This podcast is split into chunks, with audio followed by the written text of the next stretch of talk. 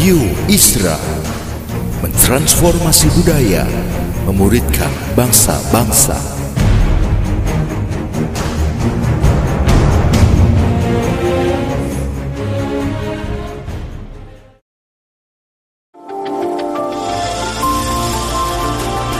Voice of Pradaim menyuarakan paradigma kebenaran firman Tuhan yang esensi untuk memperlengkapi Anda menggenapi misi dan panggilan ilahi. Selamat mendengarkan.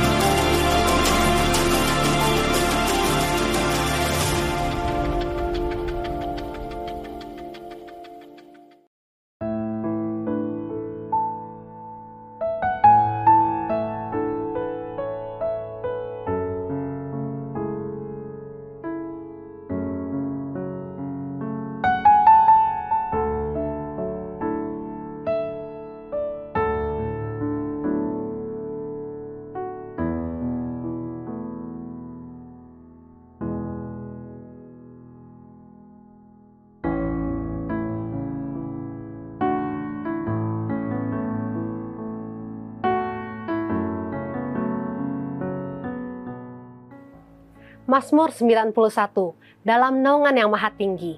Orang yang duduk dalam lindungan yang maha tinggi dan bermalam dalam naungan yang maha kuasa akan berkata kepada Tuhan, tempat perlindunganku dan kubu pertahananku, Allahku yang kupercayai.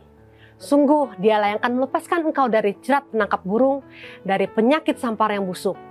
Dengan kepaknya ia akan melindungi engkau, di bawah sayapnya engkau akan berlindungi Kesetiaannya ialah perisai dan pagar tembok. Engkau tak usah takut terhadap kedahsyatan malam, terhadap panah yang terbang di waktu siang, terhadap penyakit sampar yang berjalan di dalam gelap, terhadap penyakit menular yang mengamuk di waktu petang walau seribu orang rebah di sisimu dan sepuluh ribu di sebelah kananmu, tetapi itu tidak akan menimpamu. Engkau hanya menontonnya dengan matamu sendiri dan melihat pembalasan terhadap orang-orang fasik. Sebab Tuhan ialah tempat perlindunganmu yang maha tinggi telah kau buat tempat perteduhanmu. Malapetaka tidak akan menimpa kamu dan tulah tidak akan mendekat kepada kemahmu sebab malaikat-malaikatnya akan diperintahkannya kepadamu untuk menjaga engkau di segala jalanmu. Mereka akan menatang engkau di atas tangannya supaya kakimu jangan terantuk kepada batu. Singa dan ular tedung akan kau langkahi, engkau akan menginjak anak singa dan ular naga. Sungguh hatinya melekat kepadaku, maka aku akan meluputkannya. Aku akan membentenginya sebab ia mengenal namaku Bila ia berseru kepadaku, aku akan menjawab. Aku akan menyertai dia dalam kesesakan, aku akan meluputkannya dan memuliakannya. Dengan panjang umur akan kukenyangkan dia dan akan kuperlihatkan kepadanya keselamatan daripadaku.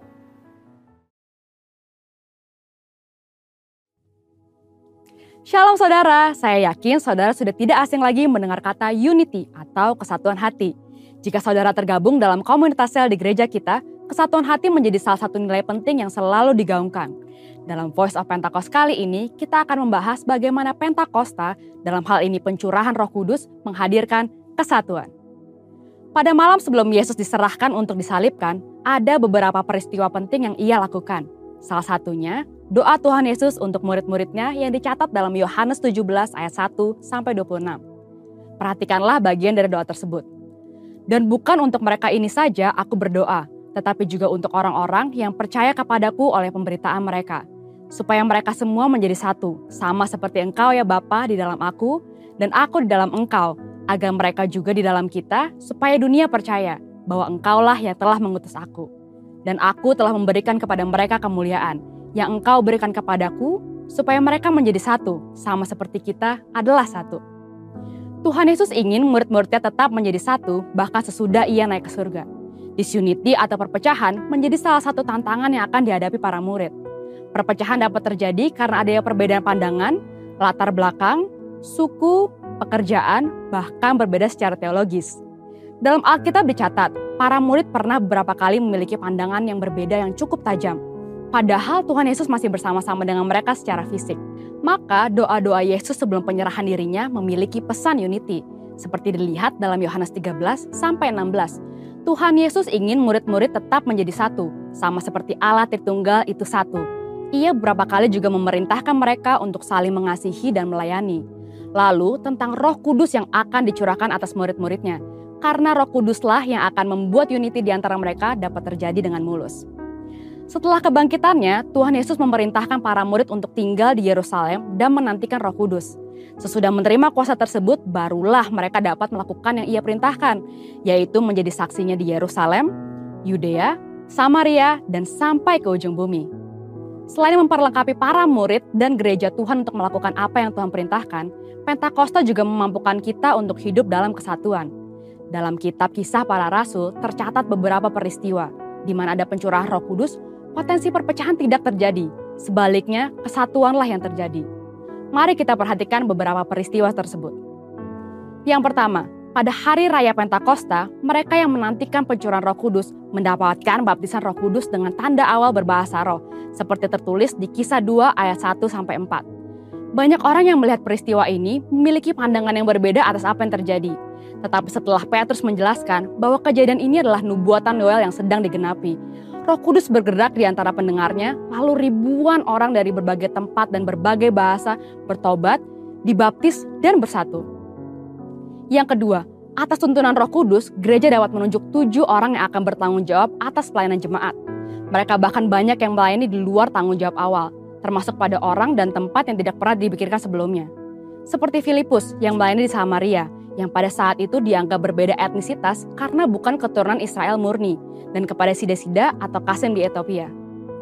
Yang ketiga, saat dilayani oleh Petrus, seorang perwira pasukan Italia bernama Cornelius dan seisi keluarganya menerima baptisan roh kudus, seperti tertulis di kisah 10 ayat 1 sampai 48. Bagi Petrus, fakta bahwa Allah memberikan rahmatnya kepada kaum Gentiles atau non-Yahudi adalah hal yang tidak pernah terpikirkan sebelumnya. Maka kita tahu anugerah Allah tercurah untuk semua orang. Dan tidak ada alasan bagi orang Yahudi Kristen dan Gentile Kristen untuk tidak bersatu. Yang keempat, ketika terjadi perbedaan pendapat antara jemaat dan pimpinan gereja pada saat itu mengenai sunat, hal ini mendorong diadakannya sidang di Yerusalem namun karena adanya tuntunan roh kudus atas para peserta sidang, akhirnya masalah sulit tersebut dapat terselesaikan. Anugerah keselamatan bagi semua bangsa dinyatakan, amanat agung dilakukan dengan lebih kencang, dan kesatuan antar jemaat lokal terjadi dan bertambah kuat. Pentakosta membawa kesatuan, di mana roh kudus dicurahkan, di situlah terjadi pertobatan, pengertian yang lebih dalam akan firman Tuhan, dan tuntunan untuk gerejanya dalam menyikapi berbagai hal. Tugas kita sekarang ini adalah melanjutkan apa yang telah Yesus dan para rasul lakukan, yaitu hidup dalam kesatuan, karena kita telah menerima roh kudus dan kasih Kristus. Amin. Untuk artikel lengkapnya dari tim teologi kami, silakan klik link yang ada di atas atau scan QR Code yang tersedia. Tuhan Yesus memberkati.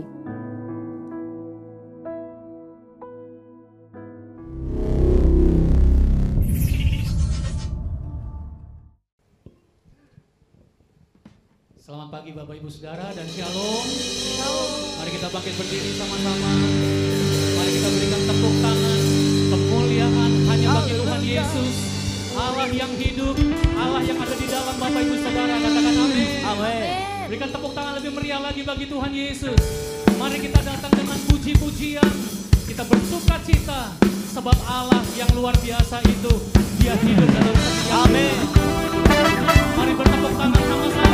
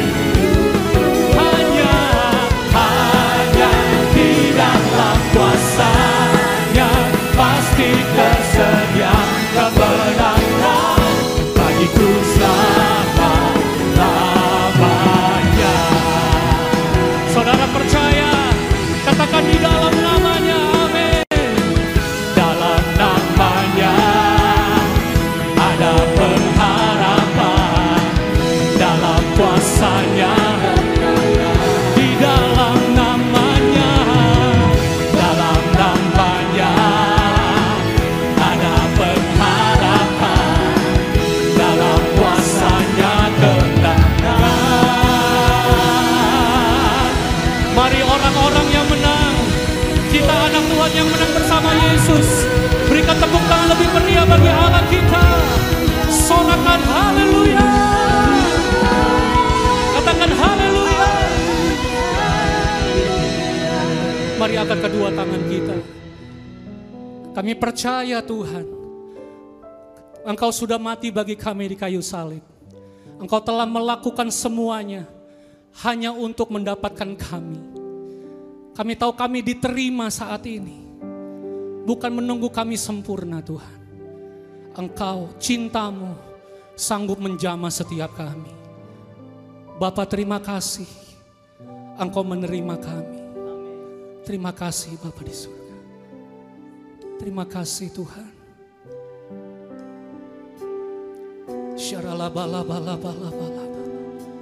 Mari berdoa dalam bahasa roh. Syaralamaya syanamu. Haleluya. Horiaralamaya syanamu. Haleluya. Syaralabarabarabalabala. I worship you, Jesus. I worship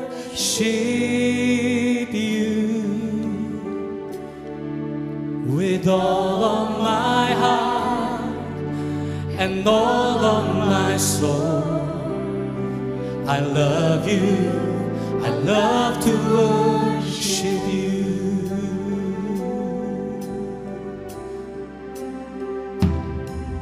My heart longs to worship you.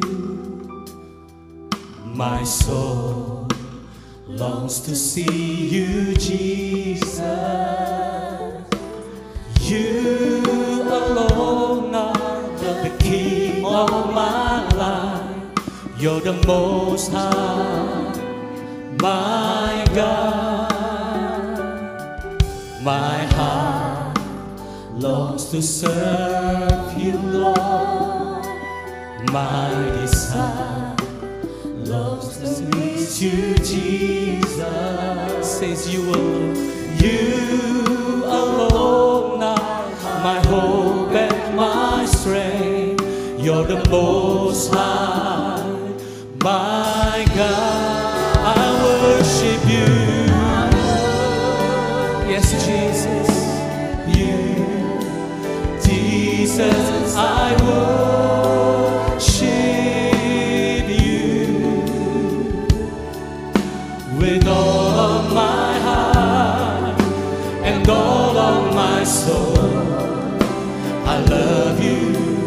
love to worship you. Oh, Jesus,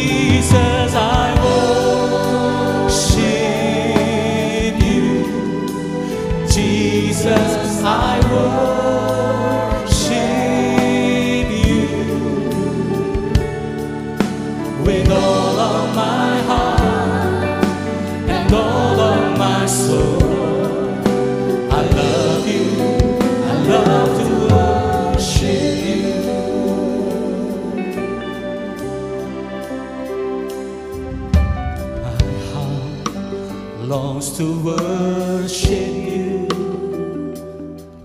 My soul longs to see you, Jesus. Let us worship Him. You yes, Father God, in all my life. You're the most high, my God.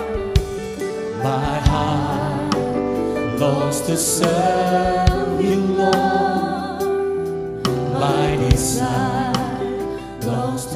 to please you, Jesus.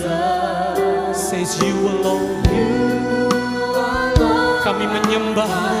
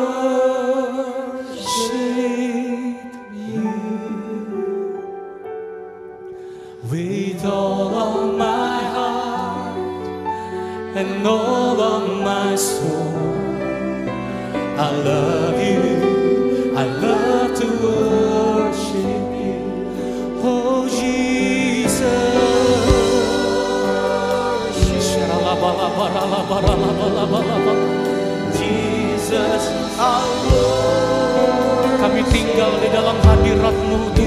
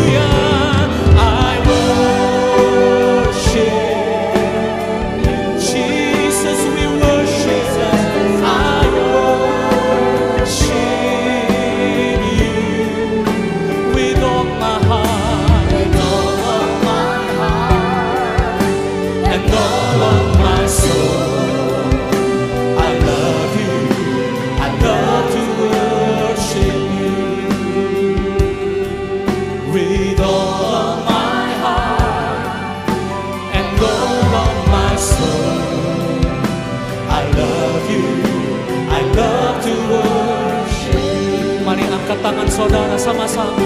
With all of my heart And all of my soul. I love you. I love to worship you.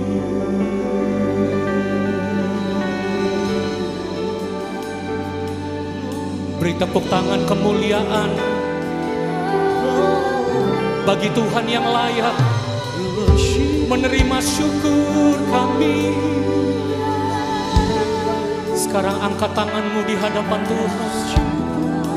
Bawa hati sembah, sembah dia.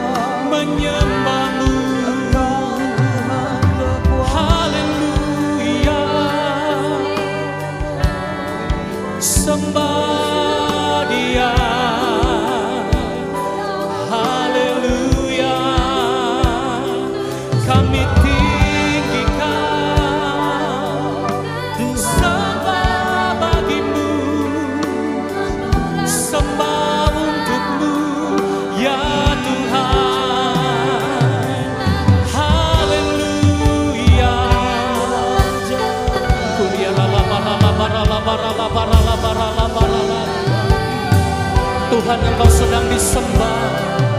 Kami yang hadir pagi ini menyembah.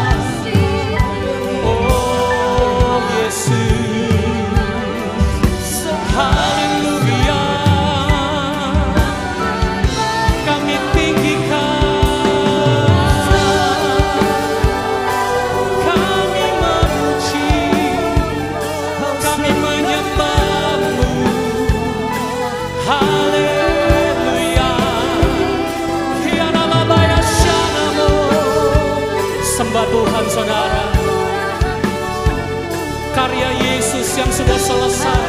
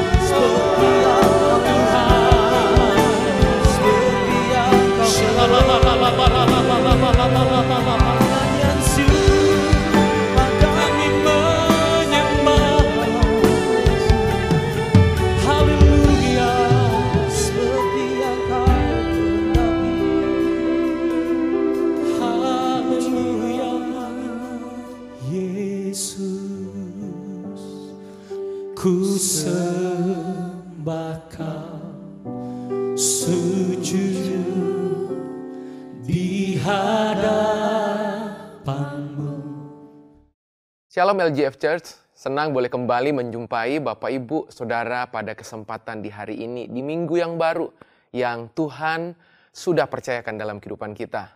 Percayalah bahwa Allah yang kita sembah, Allah yang berdaulat, Dia yang memegang kendali atas kehidupan kita. Situasi, kondisi, keadaan apa pun yang sedang terjadi, kita terus berdoa, Tuhan yang akan menyelesaikan buat kita dan buat saudara.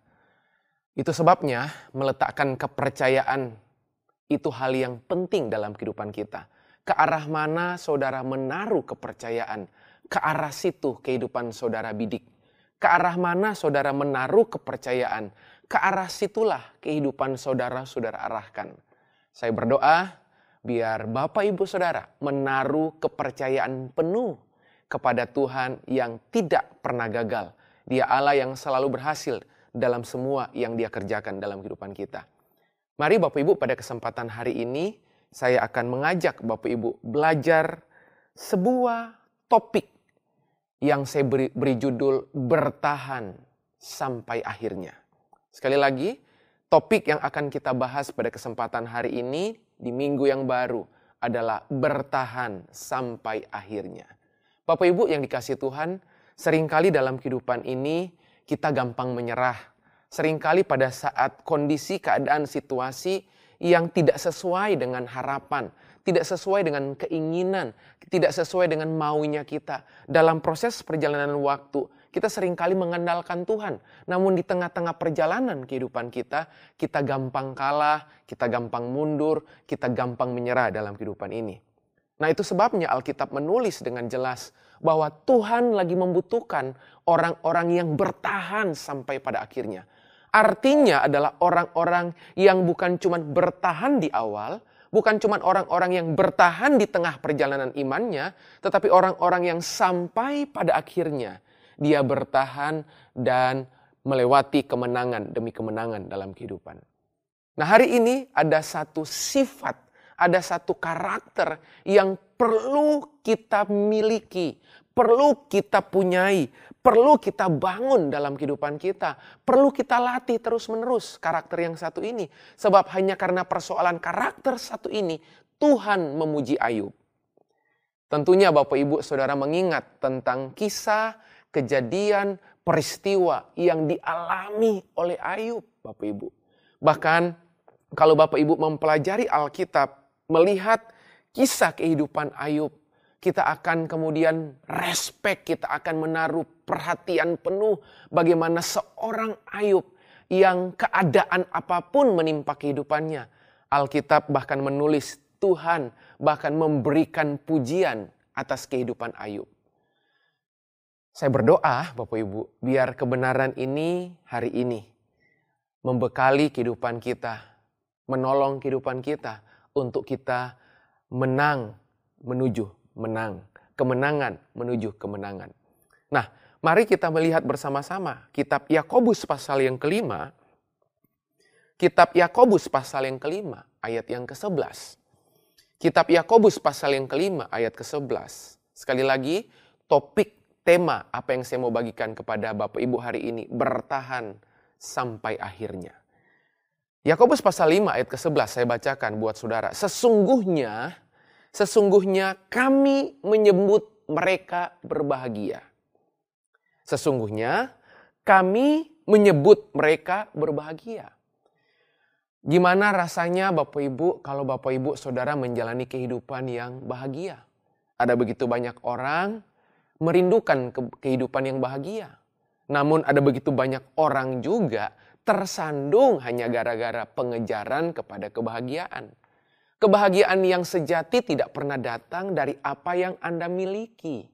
Tetapi kebahagiaan yang sejati datang dari siapa yang Anda miliki. Saya ulang, saya ulang. Kebahagiaan yang sejati tidak pernah datang semata-mata dari apa yang Anda miliki, apa yang Anda punyai. Tetapi kebahagiaan yang sejati itu terletak bergantung kepada siapa yang Anda punyai atau Anda miliki. Tentunya kebahagiaan itu datang karena kita mengalami pribadi Yesus dalam kehidupan kita. Mari miliki kehidupannya dan mengalami realita pribadinya dalam kehidupan saudara. Itu yang akan membuat kehidupan kita akan makin lama makin kuat. Kita akan bisa bertahan sampai pada akhirnya. Bukan pada apa yang saudara miliki saja, tetapi pada siapa yang saudara miliki. Saya akan lanjutkan, sesungguhnya kami menyebut mereka berbahagia Kenapa mereka disebut berbahagia? Yaitu mereka yang telah bertekun. Wow. Jadi rupanya ada sebuah indikator, ada sebuah ukuran yang juga Alkitab bilang mereka akan disebut berbahagia, kita akan disebut berbahagia kalau kemudian kita bertekun, Alkitab bilang, mereka yang telah bertekun. Arti kata telah bertekun berarti bukan cuma di awal ketekunannya, bukan cuma di pertengahan ketekunannya, tetapi sampai pada akhirnya. Bertahan sampai pada akhirnya. Nah, untuk bertahan sampai akhirnya, tentunya karakter yang penting yang kita lakti, yang kita mesti miliki di waktu-waktu ini, bahkan di waktu-waktu ke depan adalah ketekunan. Menarik, Sebab ayat ini menulis yaitu mereka yang telah bertekun. Kamu telah mendengar, wow. Kamu telah mendengar tentang ketekunan Ayub. Jelas ayat ini menulis yang Tuhan kasih contoh, yang Tuhan sorot adalah ketekunan Ayub. Jelas di sini Tuhan gak menyoroti ketekunan nabi-nabi yang lain. Tuhan tidak menyoroti ketekunan tokoh-tokoh yang lain. Tetapi jelas di Yakobus pasal 5 ayat ke-11 ini. Yang Tuhan sorot. Yang Tuhan kasih perhatian adalah ketekunan Ayub. Kenapa? Sampai yang Tuhan sorot ketekunan Ayub. Nanti kita akan lihat di menit-menit ke depan. Saya akan bacakan kelanjutannya. Tentang ketekunan Ayub. Dan kamu telah tahu apa yang pada akhirnya, perhatikan, pada akhirnya, nggak ditulis dan kamu telah tahu apa yang pada awalnya tidak. Tetapi pada akhirnya disediakan Tuhan baginya. Jadi pada akhirnya, jadi kehidupan yang pada akhirnya, yang membuat saudara bisa bertahan pada akhirnya adalah karakter ketekunan Makanya dalam sebuah pertandingan perlombaan, pada saat orang memulai pertandingan, ya, itu berbeda dengan orang yang mengakhiri pertandingan. Coba Bapak Ibu bayangkan, lebih banyak mana dalam sebuah perlombaan orangnya? Lebih banyak orang yang mana? Orang yang di awal pertandingan yang hadir mengikuti perlombaan atau orang yang di akhir perlombaan? Selalu saja orang yang pada akhirnya, jumlah orang yang pada akhirnya dengan pada awalnya selalu berbeda. Di awal banyak, di akhir sedikit, Bapak Ibu. Makanya Tuhan bilang pada akhirnya. Jadi sekali lagi, untuk mencapai pada akhirnya, saudara harus miliki yang namanya ketekunan. Yang pada akhirnya disediakan Tuhan baginya. Karena Tuhan maha penyayang dan penuh belas kasihan. Jadi hari ini, di menit-menit awal ini saya mau kembali mengingatkan saudara. Bahwa untuk bertahan sampai akhirnya, saudara mesti memiliki yang namanya ketekunan. Kenapa ketekunan penting? Karena untuk mendapatkan yang pada akhirnya, saudara nggak bisa miliki hal yang lain. Saudara harus belajar tekun, Bapak Ibu. Tekun dalam berdoa, tekun dalam beriman, tekun dalam dalam baca firman, tekun dalam melakukan apa saja. Nah, saya mau tunjukkan beberapa ayat yang lain tentunya buat saudara. Sebelum nanti kita akan melihat apa dampak dari sebuah ketekunan. Sehingga saudara bisa bertahan sampai pada akhirnya. Mari kita lihat terlebih dahulu. Kitab Ibrani pasal yang ke-10 ayat 36. Saya mau bacakan ayat yang amat sangat memberkati kehidupan saya. Ibrani pasal yang ke-10 ayat yang ke-36. Saya akan bacakan buat saudara. Ibrani pasal 10 ayat 36. Sebab kamu memerlukan ketekunan. Wow. Sebab kamu memerlukan ketekunan, Alkitab bilang. Jadi yang saudara perlukan sekali lagi untuk mencapai, menikmati, bertahan sampai akhirnya. Yang saudara perlukan adalah ketekunan. Oke? Orang yang berdoa dan tekun berdoa berbeda. Orang yang baca firman dengan yang tekun membaca firman itu berbeda. Orang yang beriman sama tekun dalam iman itu dua hal yang berbeda. Sebab kamu memerlukan ketekunan. Ya, supaya sesudah perhatikan kata itu. Enggak ditulis supaya sebelum, enggak. Supaya sesudah kamu melakukan kehendak Allah. Berarti itu awal atau akhir. Ya, jelas di situ dikatakan supaya sesudah kamu melakukan kehendak Allah. Supaya sesudah kamu melakukan, menyelesaikan kehendak Allah, kamu memperoleh apa yang dijanjikan itu. Jadi dari ayat ini, saya mau beritahukan kepada Bapak Ibu dan meyakinkan Bapak Ibu dengan firmannya, sebab firman yang bisa meyakinkan saudara. Alkitab ayat ini menulis kamu memperoleh apa yang dijanjikan. Jadi perhatikan dengan baik ini. Tuhan sudah punya janji atas kehidupanmu. Tuhan sudah punya janji atas pekerjaanmu. Tuhan sudah punya janji atas semua hal yang saudara akan kerjakan, sedang kerjakan, dan sudah kerjakan. Tuhan itu punya janji. Jadi ini janjinya seperti tangan kanan saya, ya. Coba saudara kepalkan tangan kanan saudara itu itu saudara kepalkan ya seperti ini, itu seperti janji Bapak Ibu. Apa yang Tuhan janjikan itu di sini sudah ada Bapak Ibu. Nah, sudah ada. Nah, pertanyaannya bagaimana menghadirkan itu jadi real, jadi nyata janji itu. Janji itu udah selesai. Waktu Tuhan berkata di atas kayu salib dia tebus kehidupan saudara, dia berkata sudah selesai. Janji itu Bapak Ibu sudah ada. Hanya realita dari janji itu yang perlu saudara hadirkan dalam kehidupan bisnis saudara, kehidupan pekerjaan saudara, atau apa yang saudara rindukan, itu jadi realita dalam kehidupan saudara. Jadi janjinya udah ada.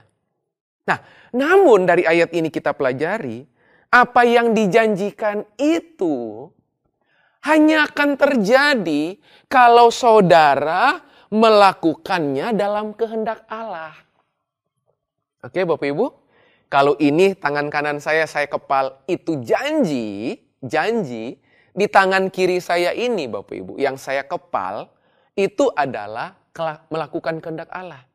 Jadi, apa yang Tuhan janjikan di sini, hanya akan saudara terima apa yang Tuhan sediakan di sini, saudara hanya akan terima kalau saudara melakukannya dalam konteks kehendak Allah. Paham sampai sini Bapak Ibu ya? Jadi selama saudara berjalan dalam kehendak Allah, maka apa yang Tuhan sediakan, apa yang disediakan Tuhan, maka itu akan terjadi dalam kehidupan saudara seperti yang dijanjikannya. Oke? Sampai situ saya berharap Bapak Ibu memahami. Nah, namun untuk saudara melakukan kehendak Allah sehingga saudara menerima realita dari janji yang Tuhan sediakan, Alkitab bilang saudara perlu yang namanya ketekunan. Saudara perlu yang namanya ketekunan. Jadi rupanya kalau di sini adalah saya memperoleh janji Allah, lalu di sini adalah saya melakukan kehendak Allah. Nah, untuk saya melakukan kehendak Allah supaya saya menerima janji Allah, saya perlu saya membutuhkan yang namanya ketekunan. Jadi rupanya ketekunan faktor penting Ketekunan faktor yang krusial. Ketekunan faktor yang sangat amat perlu saudara miliki. Sebab saudara nggak akan mungkin bisa melakukan kehendak Allah sehingga saudara menerima janji Allah. Saudara, kalau saudara nggak belajar bertekun. Dan Tuhan janji, selama yang saudara lakukan itu kehendak Allah. Dan saudara bertekun di dalamnya saudara akan menerima apa yang Tuhan janjikan. Sama seperti Ayub Tuhan bilang. Dia menerima pada akhirnya apa yang disediakan Tuhan buat dia. Jadi sebenarnya dalam kehidupan kita, Bapak Ibu, sekali lagi, untuk menerima janji Tuhan, pertanyaan pertama, yang saudara kerjakan itu kehendak Tuhan bukan? Oke? Kalau saudara berkata begini, iya Pak, iya Pastor, saya yakin itu kehendak Allah. Oke, Kenapa saudara belum bisa terima janji Allah berdasarkan kehendak Allah yang saudara kerjakan? Besar kemungkinan saudara nggak bertekun dalam melakukannya. Saudara nggak bertekun dalam bekerja. Saudara nggak tekun dalam melayani. Saudara nggak bertekun dalam melakukan apa saja dalam kehidupan saudara. Saudara angin-anginan. Hari ini oke, hari besoknya enggak. Hari ini semangat, besoknya lemah Bapak Ibu. Tapi bertekunlah Alkitab bilang. Orang yang bertahan sampai akhirnya dimulai dari yang namanya karakter tekun. Apa itu tekun? Mungkin Bapak Ibu bertanya. Nah, saya mencatat Bapak Ibu. Di Alkitab ada tiga unsur ketekunan. Ada tiga unsur ketekunan. Jadi mengukur ketekunan seseorang dilihat dari tiga hal Bapak Ibu. Ya, Melihat ketekunan seseorang dilihat dari tiga hal. Oke, nah yang pertama, ketekunan itu terlihat dari Ibrani pasal 12 ayat 1. Saya bacakan buat Bapak Ibu. Ya, mari kita lihat sama-sama Ibrani pasal 12 ayat pertama. Kitab Ibrani pasal yang ke-12 ayat pertama. Saya bacakan buat saudara. Judul perikopnya nasihat supaya bertekun dalam iman. Karena kita mempunyai banyak saksi, bagaikan awan yang mengelilingi kita. Marilah kita menanggalkan semua beban dan dosa yang begitu merintangi kita dan berlomba dengan cepat. Enggak. Tuhan Nggak menulis firman Tuhan, nggak menulis berlomba dengan cepat. Tidak. Tetapi berlomba dengan tekun. Dalam perlombaan yang diwajibkan bagi kita. Jadi jenis perlombaan yang membutuhkan ketekunan itu artinya apa? Perlombaan jangka, jarak, uh, jarak pendek apa jarak jauh? Kalau sampai kita bilang berlomba dengan tekun. Bukan jarak pendek, bukan?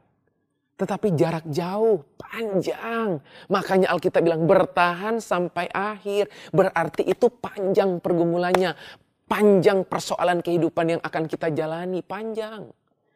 Ya, pergumulan-pergumulan yang datang yang membuat kita harus berdoa, kita harus menggumulinya. Itu bukan pergumulan yang singkat.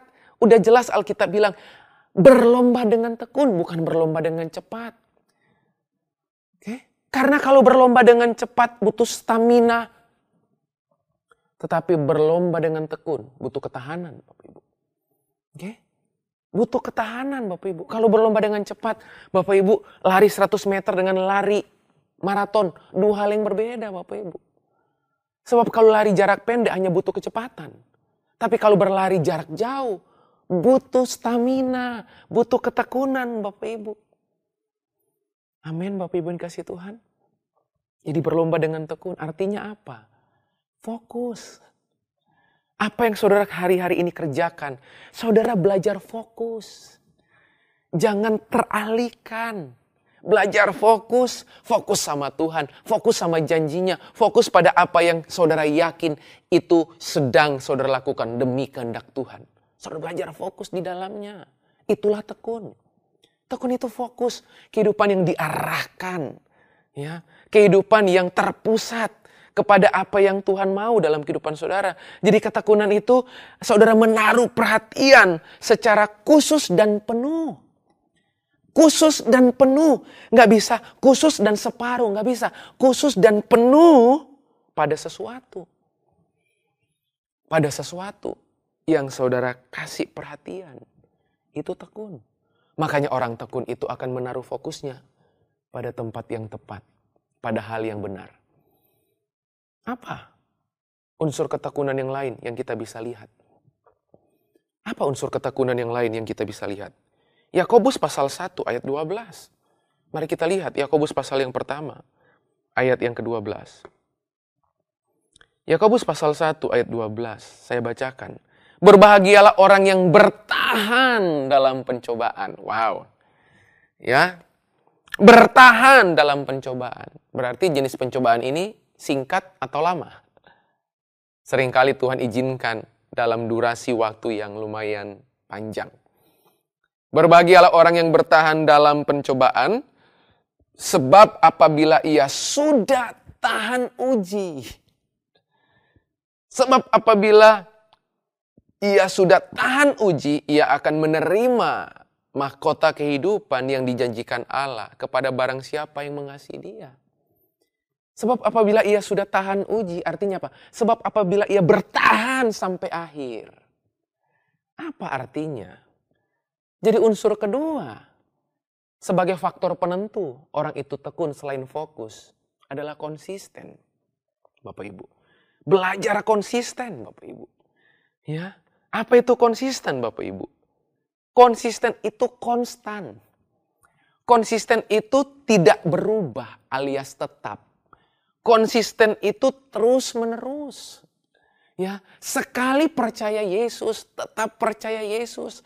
Sekali percaya pengalaman saudara dengan Tuhan, saudara akan tetap percaya kepada Tuhan. Saudara pernah lihat Tuhan punya track record gagal dalam kehidupan saudara? Dalam seluruh rangkaian cerita Alkitab, saudara pernah melihat Tuhan punya track record gagal? Nggak pernah. Dia Tuhan yang selalu berhasil. Pantas saja kita harusnya aman kalau kita menaruh percaya kita sama Tuhan. Jadilah pribadi yang konsisten. Ya, Gak mencela-mencela Bapak Ibu. Konsisten. Mengerjakan terus menerus, konstan, tetap. Itu unsur atau tanda kedua dari orang yang tekun.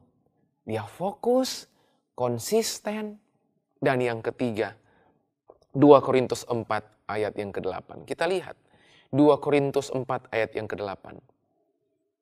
2 Korintus pasal yang keempat ayat ke-8. Ayat ke-8 saya akan bacakan buat saudara. Dalam segala hal kami ditindas. Dalam berapa hal ditindas? Dalam segala hal. Jadi kalau penindasan yang saudara alami cuma di satu area, saudara belum bisa mengalahkan Paulus yang Alkitab menulis, yang Paulus menulis dalam segala hal Paulus ditindas, namun tidak terjepit. Kami habis akal namun tidak putus asa. Itulah ketekunan. Ketekunan itu bukan cuma fokusnya, ketekunan itu bukan konsistennya, tapi ketekunan itu adalah pantang menyerah. Oke? Tidak mudah putus asa, Paulus bilang. Artinya apa? Dia tekun. Dia nggak gampang nyerah dengan keadaan sulit. Nggak gampang nyerah kalau doanya nggak terjawab. Nggak gampang menyerah hanya karena orang salah mengerti dia. Nggak gampang menyerah hanya karena orang nggak hormati dia. Nggak gampang menyerah hanya karena nggak dapat pujian setelah pelayanan. Nggak gampang menyerah hanya karena keadaan, situasi, kondisi yang tidak sesuai dengan yang diharapkan. Nggak gampang nyerah. Karena dia percaya Tuhan pembelanya. Karena dia percaya Tuhan yang mengerjakannya buat dia. Inilah orang-orang yang bertekun. Tanda orang bertekun. Fokus, konsisten, dan pantang menyerah. Dia nggak cuma tidak tidak mudah putus asa, tetapi dia juga orang yang bekerja keras. Makanya Paulus bilang, justru karena kasih karunia yang dia terima, dia bekerja jauh lebih keras dari orang-orang yang lain. Jadi harusnya kasih karunia yang saudara terima tidak membuat saudara malas-malasan. Saya bingung Bapak Ibu kalau kemudian sampai orang berkata gini, dia menerima kasih karunia lalu dia hidup dalam kemalasan. Gak sinkron. Justru orang yang menerima kasih karunia, dia bekerja melakukan yang terbaik. Ya, bekerja mengerjakan yang terbaik buat apa yang Tuhan sudah berikan, percayakan dalam kehidupannya. Bapak Ibu sekali lagi, hari ini, mari kita sama-sama melihat, kita sama-sama belajar bahwa orang-orang yang bertahan sampai akhirnya adalah orang-orang yang memiliki spirit ketekunan, yang memiliki gaya hidup gaya hidup bertekun. Bapak Ibu yang dikasih Tuhan, saya mau tutup. Kalau saudara melihat sekali lagi kehidupan Ayub, Saudara, ada lima kejadian dalam kehidupan Ayub. Yang ini membuktikan memang benar. Ayub adalah pribadi yang bertekun. Bapak Ibu, nanti Bapak Ibu bisa baca di rumah. Saudara bisa membacanya di rumah. Mulai dari Ayub pasal 1 sampai Ayub pasal 6. Ya, saya mencatat di sini dari ayat Ayub pasal pertama, Ayub pasal 2 sampai Ayub pasal yang ke-6 Bapak Ibu ya. Bapak Ibu bisa lihat di situ ya. Yang pertama, Bapak Ibu, Ayub menderita kesulitan ekonomi. Oke? Okay? Sewaktu pada saat Ayub kehilangan hampir semua harta miliknya, Bapak Ibu. Itu goncangan pertama yang Ayub alami. Ya, jenis yang ini Bapak Ibu, apa yang dialami Ayub itu datang dalam tempo yang singkat. Biasanya orang Bapak Ibu setelah alami yang satu baru berapa tahun kemudian yang kedua, baru berapa tahun kemudian yang ketiga. Kalau Ayub hampir dalam waktu yang bersamaan, dalam waktu yang singkat, dia mengalami lima hal yang menggoncang kehidupannya. Jadi bukan cuma sekedar dia menderita kesulitan ekonomi. Bapak Ibu bisa melihat di Ayub pasal 1. Tapi Ayub juga merasakan betapa dia pedih kehidupannya hanya karena akibat dia kehilangan sepuluh anak perempuannya, Bapak Ibu. Anak-anaknya, ke sepuluh anaknya terbunuh. Bapak Ibu, Ayub pasal 1 juga terlihat di situ. Udah sulit ekonominya, jatuh miskin Bapak Ibu. Lalu Bapak Ibu lihat, Ayub kehilangan keluarganya, anak-anaknya. Apakah sampai di situ? Enggak Bapak Ibu. Bapak Ibu lihat yang ketiga, pasti Bapak Ibu memahami ini, menyadari ini atau mengetahui cerita ini adalah Ayub mengalami penyakit yang serius. Ya. Bukan cuma serius tapi penyakit yang aduh bikin orang nggak betah Bapak Ibu, sangat menyakitkan. Bapak Ibu. Ayub meninggalkan Tuhan? Tidak, Bapak Ibu. Udah sulit ekonomi, jatuh miskin, keluarganya mati meninggalkan dia, Bapak Ibu. Udah gitu Bapak Ibu, sakit yang dideritanya. Apa yang di luar Ayub diambil Tuhan. Ya, apa yang dicintai Ayub diambil Tuhan. Dan Bapak Ibu kalau pelajari, waktu ke-10 anaknya mati Bapak Ibu, itu nggak bangkit Bapak Ibu. Kalau Tuhan janji nanti saya bangkitkan, ya Bapak Ibu mungkin ah aman. Masalahnya nih Tuhan nggak bangkitkan. Ke-10 putri Ayub, ke-10 anak perempuan Ayub. Bukan cuman itu. Apa yang di luar Ayub hilang, nah apa yang ada di dalam tubuh Ayub pun, Ayub menderita sakit penyakit. Stop sampai situ? Tidak Bapak Ibu. Kali ini Bapak Ibu, teman pewaris kasih karunia Allah, yaitu istrinya sendiri, yang meminta Ayub untuk berpaling dari Tuhan. Bapak Ibu, Bapak Ibu bisa lihat di Ayub pasal yang kedua. Bahkan istrinya, orang terdekatnya, teman pewaris kasih karunia Allah yaitu kehidupan, mencibir dia. Bahkan mendesak Ayub untuk tinggalkan Tuhan. Apa yang terjadi? Ayub tinggalkan Tuhan? Tidak. Nggak cukup sampai situ. Bahkan Alkitab juga menulis, Ayub pasal yang ke-6, sahabat-sahabat karib. Bukan cuma teman, sahabat karib. Ngata-ngatain Ayub hal yang negatif. Kasar sama Ayub. Berkata nggak benar sama Ayub. Bapak Ibu, lima kejadian ini terjadi dalam rentang waktu yang singkat hampir bersamaan terjadi lima-limanya. Tapi Bapak Ibu lihat, apa ending dari kehidupan Ayub? Ayub pas, Yakub pasal, Yakobus pasal yang kelima tadi kita baca. Ya, ketekunan Ayub Alkitab bilang yang membuat Ayub bertahan sampai akhirnya. Saya berdoa hari ini biar mari ya kita menghidupi ketekunan sebab Ketekunan melahirkan kekuatan. Ketekunan melahirkan kematangan. Saudara hanya akan bisa kuat kalau saudara bertekun. Saudara hanya akan bisa matang karakter saudara, matang kehidupan saudara kalau saudara hidup dalam ketekunan. Sebab kamu memerlukan ketekunan supaya sesudah kamu melakukan kehendak Allah, kamu menerima apa yang dijanjikannya itu. Saya berdoa, mari bertahan sampai akhir dengan memiliki ketekunan, fokus, konsisten, dan pantang menyerah. Selamat hari Minggu LGF Church. God bless you all. Tuhan Yesus memberkati. Mari kita tundukkan kepala. Kita berdoa di hadapan Tuhan. Bapak kami bersyukur kami diberkati oleh firman-Mu. Kami dikuatkan oleh firman-Mu. Kami bukan cuma dinasehati firman-Mu, tapi kami ditegur oleh kebenaran-Mu. Kami cintai kebenaran-Mu dan kami condongkan hati kami. Kami mau arahkan kehidupan kami untuk bertahan sampai pada akhirnya apa pun yang terjadi dalam kehidupan kami. Kami mau belajar bertekun karena kami percaya waktu kami punya ketekunan Ketekunan akan melahirkan kekuatan. Ketekunan akan membuat kehidupan kami matang dan kami percaya Tuhan akan segera menolong kehidupan kami waktu Tuhan melihat kehidupan kami menjadi kehidupan yang bertekun dalam kondisi keadaan apa pun.